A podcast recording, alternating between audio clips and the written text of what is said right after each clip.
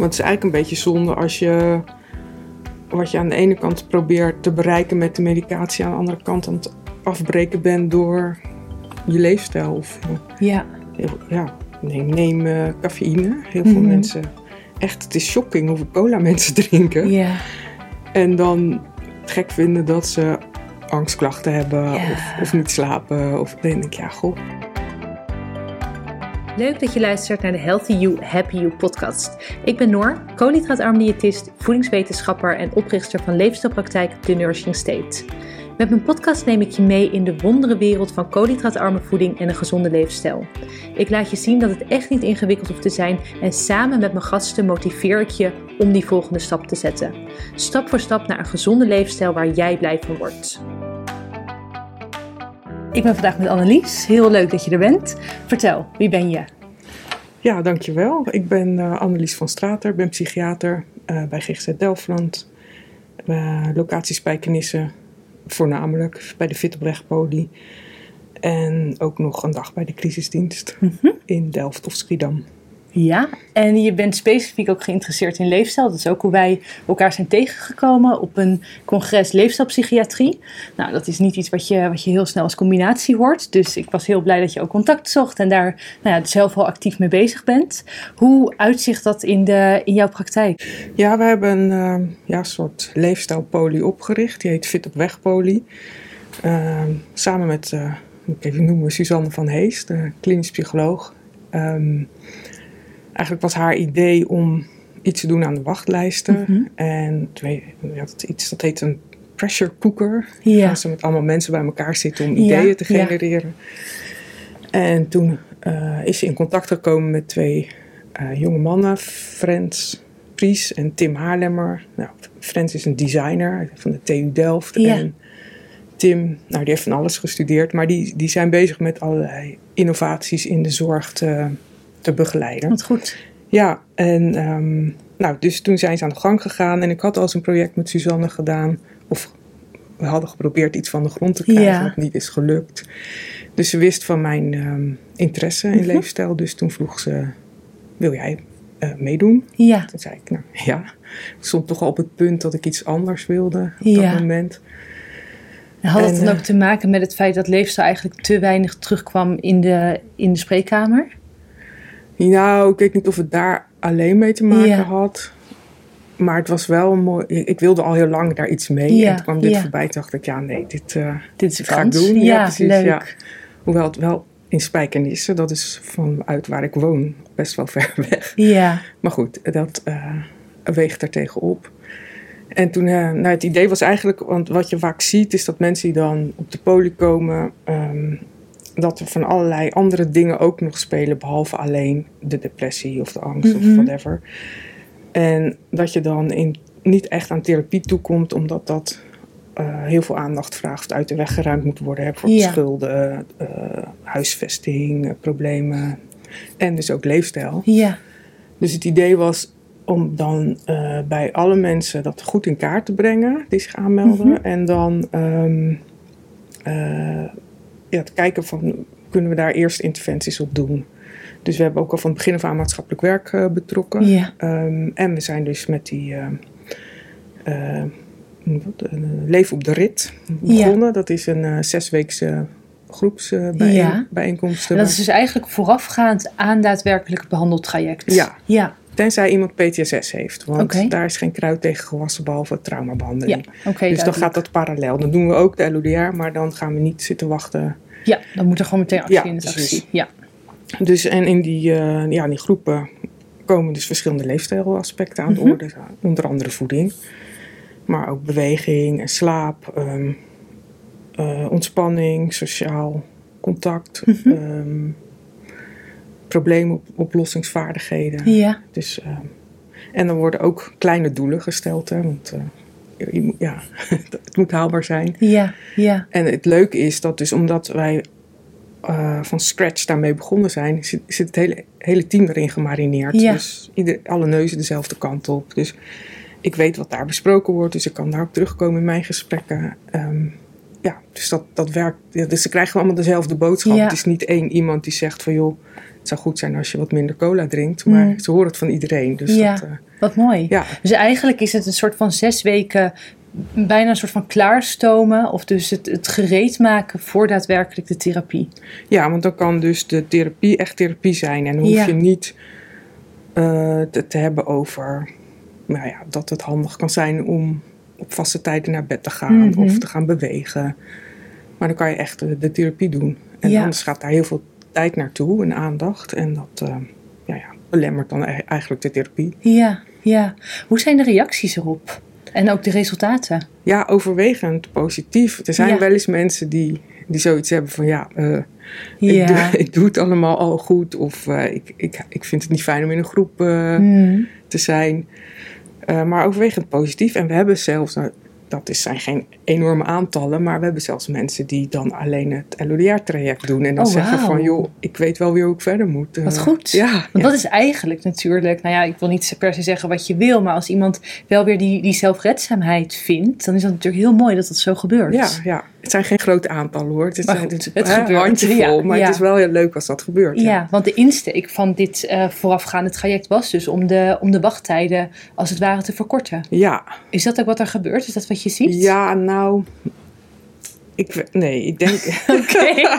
In het begin natuurlijk wel, maar ja, dat komt, je begint en je hebt heel veel Ja, want je kan dan. natuurlijk dan een, een groep vullen. Ja. Ja. Maar inmiddels zitten we ook alweer te plannen in december. Dat is relatief kort binnen GGZ, want ik weet polis waar het een jaar duurt. Ja. Dus dan, ja, het is relatief kort, maar ja, het blijft een dingetje hoor, die Ja. wachttijden. Ja. ja. Maar goed, mensen hebben dus nu wel het idee of, of ze kunnen daadwerkelijk sneller aan de slag.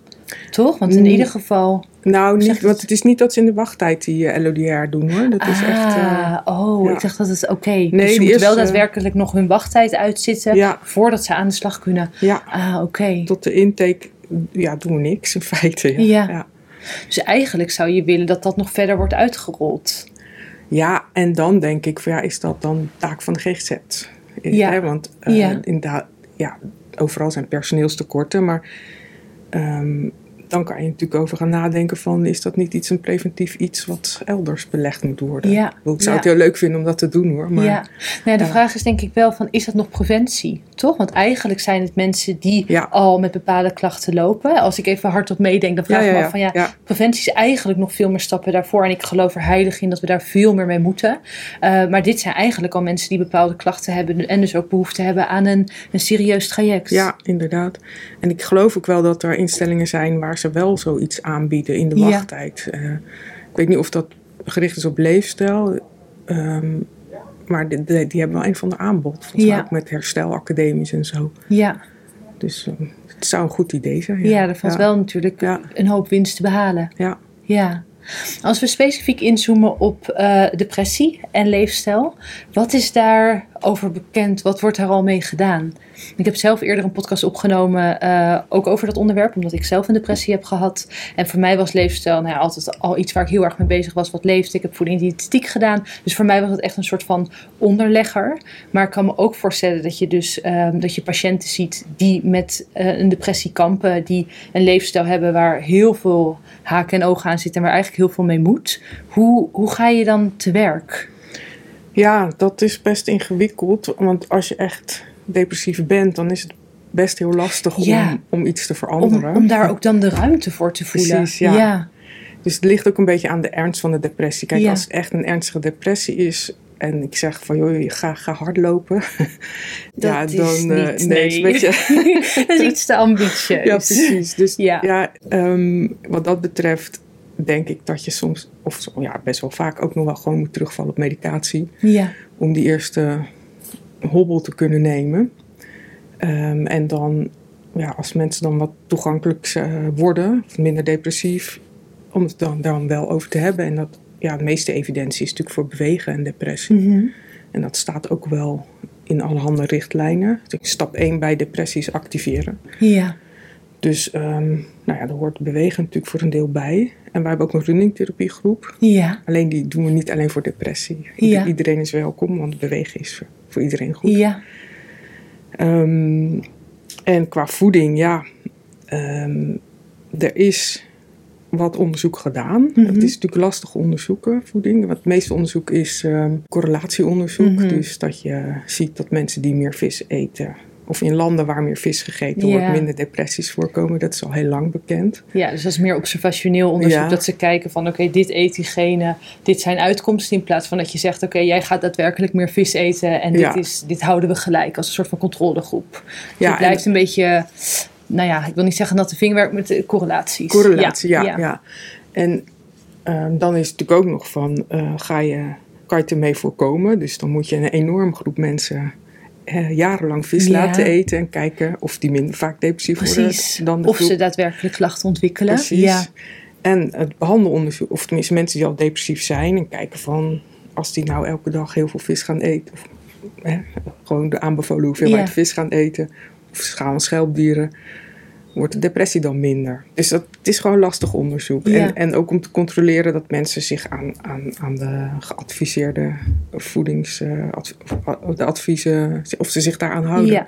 ja. is wel wat onderzoek gedaan. Ehm, dat kan natuurlijk ook niet dubbelblind. Mhm. Dubbel Eh. blind even uitlegt dat je niet weet wat je krijgt. En ook degene die het onderzoek doet niet weet wat je krijgt. Nou ja, met vis is dat nogal lastig. Ja, ja, je ziet dat je vis krijgt, de onderzoeker weet het ook. Ja. Ja. En het onderzoek wat is gedaan, eh, daar komt wel uit dat zeg maar onbewerkte voeding. eh, Ja. eh, en dat is dus niks, of nou ja, weinig uit pakjes en zakjes, maar echt gewoon groen, groente, fruit, noten, schaal, schelpdier en vis, Mhm. eieren. wel wat vlees ook, maar dan onbewerkt vlees. Dus Ja. geen dat? broodbeleg vlees waar van alle klein meuk in zit. Ja. Gewoon zonder ingrediëntenlijst. Dat je het kan vinden buiten zijn schat van, eh, Ja, schat van de. Albert Heijn. Ja, ja, Ja. ja. En ehm, daar is evidentie voor. Ja. Wat wordt er nou aangetoond? Is het dan eh, het, het ontwikkelen van een depressie? Is het het herstel? Is het, het de duur? Hoe, hoe Nee, ja. moeten we dat zien? Het is verschillend onderzoek gedaan. Ehm dus onderzoek gedaan bij mensen die al een depressie hebben. Ja. Waarbij het dan ehm, eh, ze gewoon doorgaan met de therapie die ze al krijgen. Dus Mhm. of medicatie of psychotherapie. En ehm, de ene groep krijgt dan dat onbewerkte voedings... Of Ja. krijgt adviezen daarover. Dat is ook nog wel een dingetje van... eh, Krijg, geef je advies en doe je dat individueel of in een groep. Ja. Er zijn ook onderzoeken dat ze mensen kortingsbonnen geven of, Ja. of voedingsmiddelen, bijvoorbeeld noten of olijfolie. Ehm, en, en, ehm, dus, dus ja, als soort van add-on aan de, Ja, aan de, de Dus dat wordt toegevoegd Ja. aan wat ze daadwerkelijk al aten. En, ja. en dat ehm, eh, is effectief. Dus dan zie je, nou, nou, dan moet je een vragenlijst invullen Ja. en dat het dan daalt tot onder de cut-off, zeg maar. Dus de, hè, als de madders geloof ik boven de 10, dan... Even, ik ben niet zo goed in getallen, maar dan boven een bepaalde waarde, dan, ben, je- dan noem je dat, ja, dan is dat een depressie en daaronder ben je maar remissie. bepaalde waarden van wat? Van, van die vragenlijst. Ah, oké. Dus het is Ja. eigenlijk een soort van puntensysteem dat je de vragen moet beantwoorden. Dus over depressieve klachten. Je krijgt een aantal punten. Daarboven ben je, heb je wel een depressie, Ja. daaronder niet. Ja, Is dat hoe ik het is, ja en, het en daarboven kan je nog verder boven. Of, Ja, ja. Dus, dat, eh, dus, dus als behandeling of, of toevoeging aan de Ja. behandeling. En zeker ook, dat hebben we ook met supplementen van, vi- van omega-3 visolie. Eh, daar is evidentie voor. Ja, wat goed. En ook wel voor preventie. Maar dat is natuurlijk wel lastiger te onderzoeken. Omdat je dan hele grote groepen mensen nodig hebt. Ja, en ze vooral ook lang moet volgen. Want jij, Ja. je weet niet wat er gebeurt. Precies, ja. Ja. En ze hebben de- deels dat onderzoek gedaan ehm, bij mensen die al ehm, die eigenlijk in een onderzoek zaten voor hart- en vaatziekten en diabetes en overgewicht. Ja. En hebben ze ook depressie gemeten. Ah, als een soort van, nou niet per se een confounder, maar dus een andere uitkomst dat ze die Ja. al uit die groep hebben gehaald. Ja. ja. En dan is het inderdaad zo dat met name bij mensen met diabetes type 2, als dat voedingspatroon verandert, Ja. dat, dat er dus ook minder depressieve klachten Ja, Ja. ja. Wat natuurlijk denk Ja. ik ook sowieso logisch is. Kijk, enerzijds meer, nog, nog veel meer lange termijn het, ont- het daadwerkelijke ontstaan, de metabole gezondheid. Anderzijds, wat ik toen ook in die eh, lezing heb gezegd en waar jij ook ervaring mee zou hebben, je draagt hem nu, je sensor. Dat je Ja. ook merkt dat als je bloedsuiker varieert en als je aan het pieken en aan het dalen bent, dat je je automatisch natuurlijk al onrustiger voelt. Dus dat ook je, nou ja, je, je weerbaarheid in zekere zin gedurende de dag, dus dat is natuurlijk korte termijn, dat dat natuurlijk ook wel invloed heeft. Zeker, ja. Ja, en wat ook uh, in onderzoek gevonden is, is dat ultra-processed food. Mm -hmm. Daar hebben ze echt gekeken van hoeveel eet je daarvan. En hoeveel depressieve en angstklachten en zo ja. komen voor. Nou, dat is echt uh, best wel shocking, vind Ontzettend ik. gelinkt, hè? Ja, ja, ja, en ook dat ze bij jonge of adolescenten...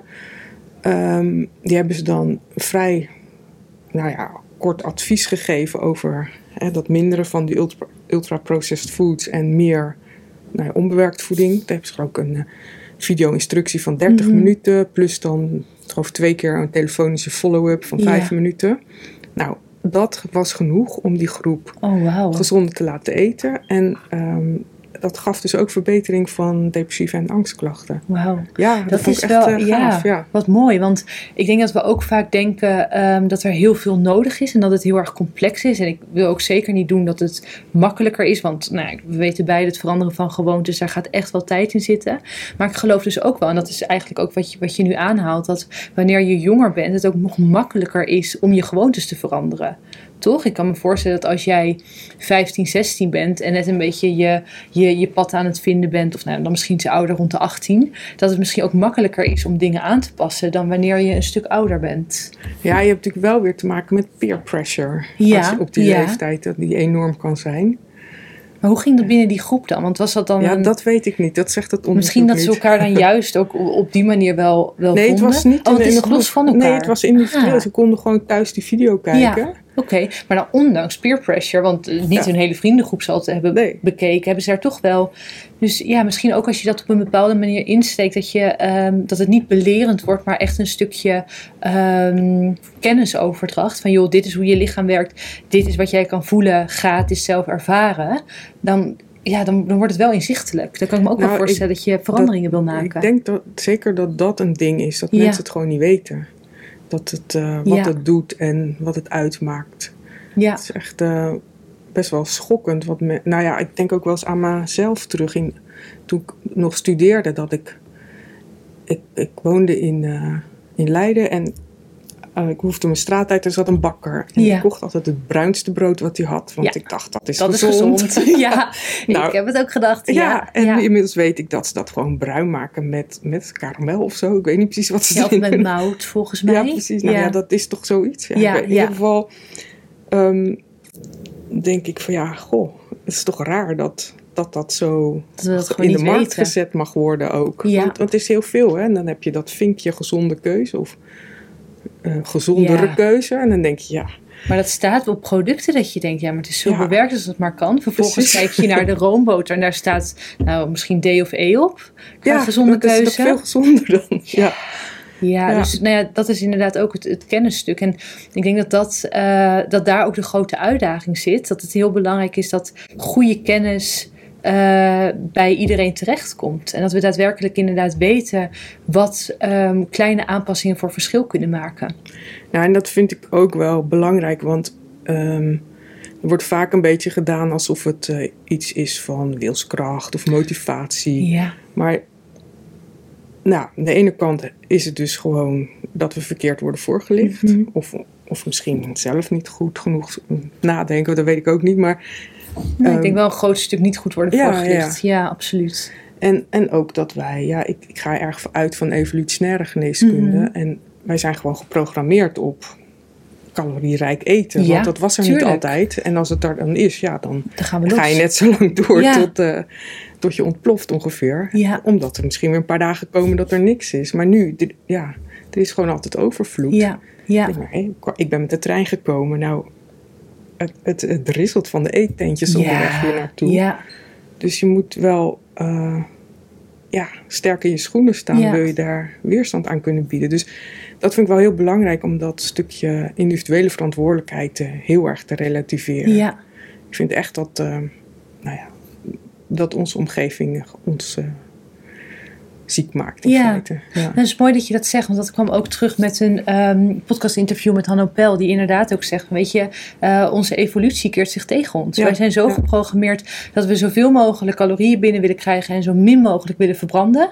En Nou niet willen bewegen. Precies, dus we, we hebben het gecreëerd. We willen het liefst alleen maar zitten en zoveel mogelijk eten. Dat kan ook. Dus we kunnen het ook niet, ehm, en ik denk dat het dus heel goed is dat je dat ook nog een keer aanhaalt. Het is niet ehm, jouw schuld als je eh, blijft aankomen of als je bepaalde ziektes ontwikkelt. Tuurlijk zit er altijd, ik geloof ook dat er is een bepaalde, ehm, je wilt een bepaalde zeggenschap creëren over je gezondheid. Maar zeker als je verkeerd geïnformeerd bent en eh, de omgeving waar wij in leven, dat is wel een, een soort van dubbele die je tegen je hebt.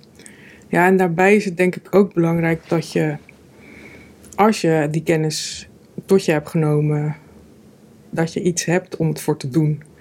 Dat je zingeving of betekenis. Want ja, als jij niet iets hebt om het voor te doen, waarom Ja. zou je dan stoppen met roken of cola drinken? Ja. Of, dus dat vind ik ook wel een hele belangrijke, dat er, dat er daar aandacht voor is. Ja, ja. Want hoe combineer je dat dan? Want omdat je natuurlijk ook zegt van oké, zeker bij ehm, ernstige depressiviteit, in hoeverre is er ruimte voor leefstijlverandering? Je geeft ook aan van ja, er, er moet dus inderdaad ook een reden zijn om iets te doen. Hoe, hoe neem je dat mee in je behandeling? Ehm, nou, kijk, als iemand echt heel erg depressief is en helemaal hopeloos, Mhm. dan. ehm, en, en daar helpt dan ook geen argument tegen of zo. Nee, Ik bedoel, dan kan nee. je zeggen: je hebt toch kleinkinderen, Ja, maar die zijn beter af zonder mij, is dan bijvoorbeeld eh, Ja, de reactie. Dus ja. dat, op, op, in die momenten. Ja, is dat, is dat niet echt. ehm, is daar niet de ruimte nee, voor? nee. Nee. Maar als het dan wel wat beter gaat, Ja. ga je daar natuurlijk wel over in gesprek. Ehm, en, en mensen komen vaak zelf met, eh, met, met dingen die voor hun belangrijk zijn. En vaak zijn dat kinderen en kleinkinderen of Mhm. dieren, valt me op. Ja, Ehm, ja, en, en je gaat natuurlijk ook op zoek naar van hoe kan je eh, dat, dat versterken, zeg maar. Mhm. Dat contact of, eh, nou ja, mensen kunnen helemaal van elkaar zijn als hun huisdier overlijdt bijvoorbeeld. Eh, maar op een gegeven moment is het dan weer ruimte voor toch een nieuwe. Mhm. ja. ja, Dus ja, dat, dat zijn kleine dingen. Of tenminste, het lijken kleine dingen, maar die kunnen heel belangrijk zijn. Ja. Eh, ja. Ja, de- ja, het gesprek erover aangaan op het moment dat dat kan Mhm. of in ieder geval ernaar naar vragen, zeg maar. Je moet het ook weer niet opdringen. Want, want, ehm, ja, het, mo- eh, het moet wel van de persoon zelf ook een beetje uitkomen dat ze er klaar voor zijn, Ja. zeg maar, om daar iets mee te doen. Heb jij het idee dat zeker eh, op, op het moment dat je met leefstijl ook meer bezig was, dat er vaker ruimte voor is dan dat je in eerste instantie dacht? Mm, dat vind ik lastig, want ik ben er al best wel heel lang mee bezig. Ja. Ehm, Of dat je nu misschien bij mensen dan ervaart van oké, eh, misschien is daar geen ruimte voor, maar dat er toch mogelijk het, het gesprek daar wel toe leidt en dat het toch wel zo blijkt te zijn.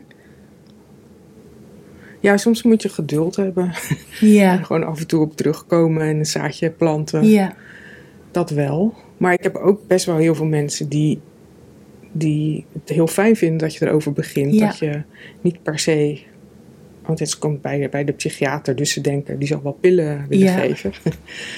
Ehm, maar dat, dat dat niet per se mijn eerste insteek Hmm. is. Dus er zijn ook heel, geno- genoeg mensen die dat heel prettig vinden. Ja. Maar ja, er zijn ook mensen die zeggen van nou, doe mij eerst maar die pil en dan eh, Ja. kijk ik wel eens verder. Ja. Ja, maar het is dus wel altijd eh, iets wat je meeneemt. Dus enerzijds, als medicatie moet, dan moet het.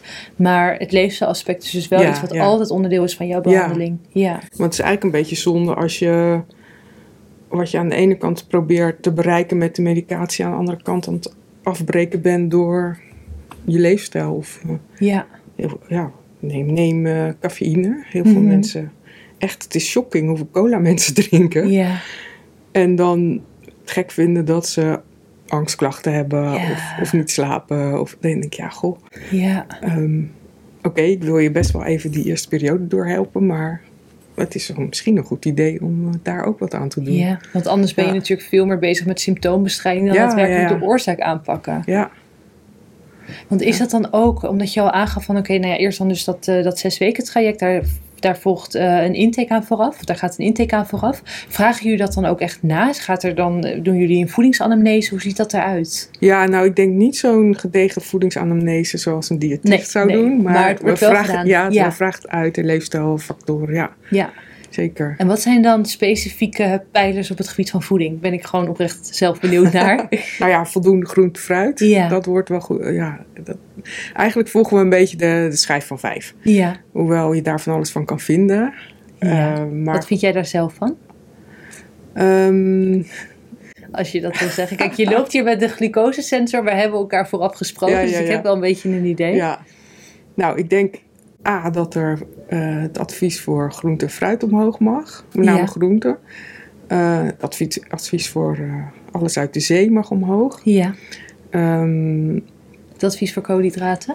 dat zou wel iets omlaag mogen. Ja. Ehm, en met name dan. eh, nou, wat ik ook wel eens eh, lastig vind, is Ja. dat. Ik denk ook dat het individueel heel erg kan verschillen. Afhankelijk van bijvoorbeeld je microbioom. Ja.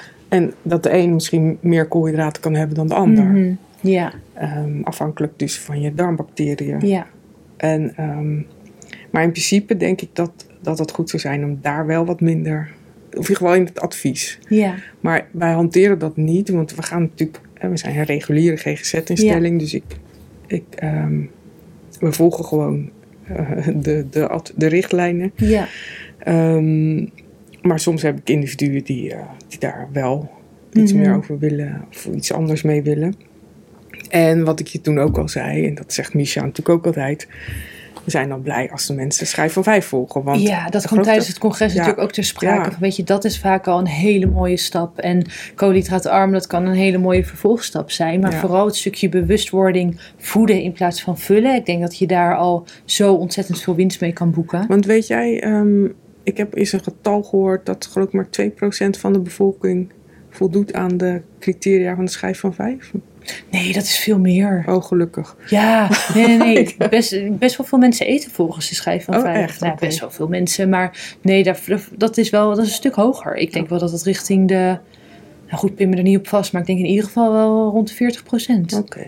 Ja, maar waar dat natuurlijk, waar ik vooral denk dat dat misgaat en wat jij dus eigenlijk ook aanhaalt, is het stukje individuele benadering. Met de schijf van vijf zeggen we, joh, iedereen eet hetzelfde. Ben je zwanger, neem een extra glaasje melk. Dat is ongeveer de nuance die erin zit. Ja, ik geloof daar niet in. Plak tien mensen zo'n zo'n eh, Ja. bloedglucosesensor op en je ziet dat de reacties, de, de bloedsuikerspiegel ver uiteenlopen. Dus daar wil je natuurlijk op inspelen, omdat dat verband houdt met je mentale gezondheid, met je metabole gezondheid. Dus ja, dat, dat daar variatie in zit, dat, dat is zo. Ken jij Zoe? Nee? Oh, dat is in Engeland een, een project wat ze, dus ook met glucosesensors, maar ook kijken ze naar je microbioom. En het is een ehm, ja, soort, soort burgeronderzoek inmiddels Ja. geworden. Het is een hele grote groep mensen. En, en Een soort van populatiestudieachtig. Ja, ja. ja. En dan hebben ze dus al die data en dan doen ze bijvoorbeeld onderzoek naar eh, PMS of eh, Ja. angstklachten of eh, ja, hartklachten, weet ik het wel. Nou, en, en dan kan je dus heel ja, individuegericht Ja. gaan kijken van wat is nou voor jou. Mm. En dan er zijn sommige mensen die kunnen gewoon een ijsje eten zonder dat die glucose Ja. piekt. En anderen die kunnen niet eens een bruine boterham eten. Nee, of dus, een handje bessen en dat gaat Ja. helemaal mis. Ja, Ja. want je hebt er tussen zitten. Ik heb cliënten die, eh, die nemen dan een, die nemen wat bieten bij hun eh, salade met geitenkaas en die pieken ontzettend. Ja, ja, Dus er zit zoveel persoonlijke variatie. Dus ik denk sowieso, wat je zegt, een hele mooie stap is al meer naar de, eh, naar de richtlijnen en de schijf van vijf. Eh, maar vervolgens valt er nog heel veel extra winst te behalen door het nog persoonlijker aan te gaan pakken. Ja, maar dat is denk ik wel. ehm, nou ja, dan zou, zou je zoiets als Zoe in Nederland moeten Ja. hebben. Want ehm, ja, dat, dat is tamelijk ingewikkeld, denk ik, om dat Ja. voor elkaar te krijgen binnen Ja, mijn setting nu. Doorverwijzen naar diëtist. Ja, nou ja, je weet dat ik eh, van het begin af aan gelobbyd heb voor een diëtist in ons team. Maar ja, dat eh, is er niet doorheen daar gekomen. zit wel de uitdaging. Ja, ja. En denk ik ook echt wel de winst. Omdat een diëtist natuurlijk nog... Ja, die, die heeft ook veel meer tijd. Om dus inderdaad wel persoonlijk in te zoomen. Om die wel iemand aan zo'n eh, zo'n sensor te krijgen. dat je gewoon echt inzichtelijk kan maken wat er nou precies gebeurt. Ja. Heb jij nog een laatste advies of een tip? Zeker voor mensen die luisteren met depressieve klachten en denken: ja, die leefstijl, ik weet dat ik, of ik, ik wil daar wat mee. Wat zou een mooie, en dat verschilt natuurlijk per, ieder, per, per individu, maar wat zou een mooie eerste stap kunnen zijn? Voor mijzelf bewegen. Ja. maar goed, dat kan per persoon natuurlijk verschillen. Mhm. Want voor, eh, Wat maakt dat jij zegt bewegen? nou, A, er is de meeste evidentie voor. En Ja. ik merk eh, dat het mezelf heel goed doet. Mhm. En ik denk dat het, het makkelijker is. Maar hè, dat is voor mij. Het Ja, is makkelijker dan voeding. Ja, ja. Ja. dat denk ik. Want voeding is heel veel controverse en kost geld. hè, bewegen kan je in principe gratis doen. Ehm, en dan heb je nog weer van ja, sommige mensen willen dan geen vis eten of zo. Of geen, eh, eh, nou ja, dus dat is dan ingewikkeld. En ehm, dus dan denk ik, bewegen lijkt voor mij het makkelijkst. Maar ik kan me voorstellen dat sommige mensen zeggen van nou, ik vind het makkelijker om eh, vis te gaan eten dan Ja. om te gaan bewegen. Dus eigenlijk is dan misschien de tip meer van kijk wat bij jou past. En Mhm. ehm, kijk of je daar een kleine stap in kan zetten. Denk vooral niet meteen groot, want Ja. ja, dat is gedoemd te mislukken. En dat is dan alleen maar een extra teleurstelling. En misschien ook hulp zoeken daarbij. Ben je klaar om in actie te komen? Top! Toch wat twijfels of vragen? Je hoeft het niet alleen te doen. Plan via onze website www.thenursingstate.com een vrijblijvend kennismakingsgesprek in. Dan denken we persoonlijk met je mee of een koolhydraatarme leefstijl ook bij jou past. Tot slot wil ik je om een kleine gunst vragen. Wil je de Healthy You, Happy You podcast beoordelen op Spotify of Apple Podcast? Dan kan ik nog meer mensen helpen naar een healthy, happy leven. Dankjewel en tot de volgende keer.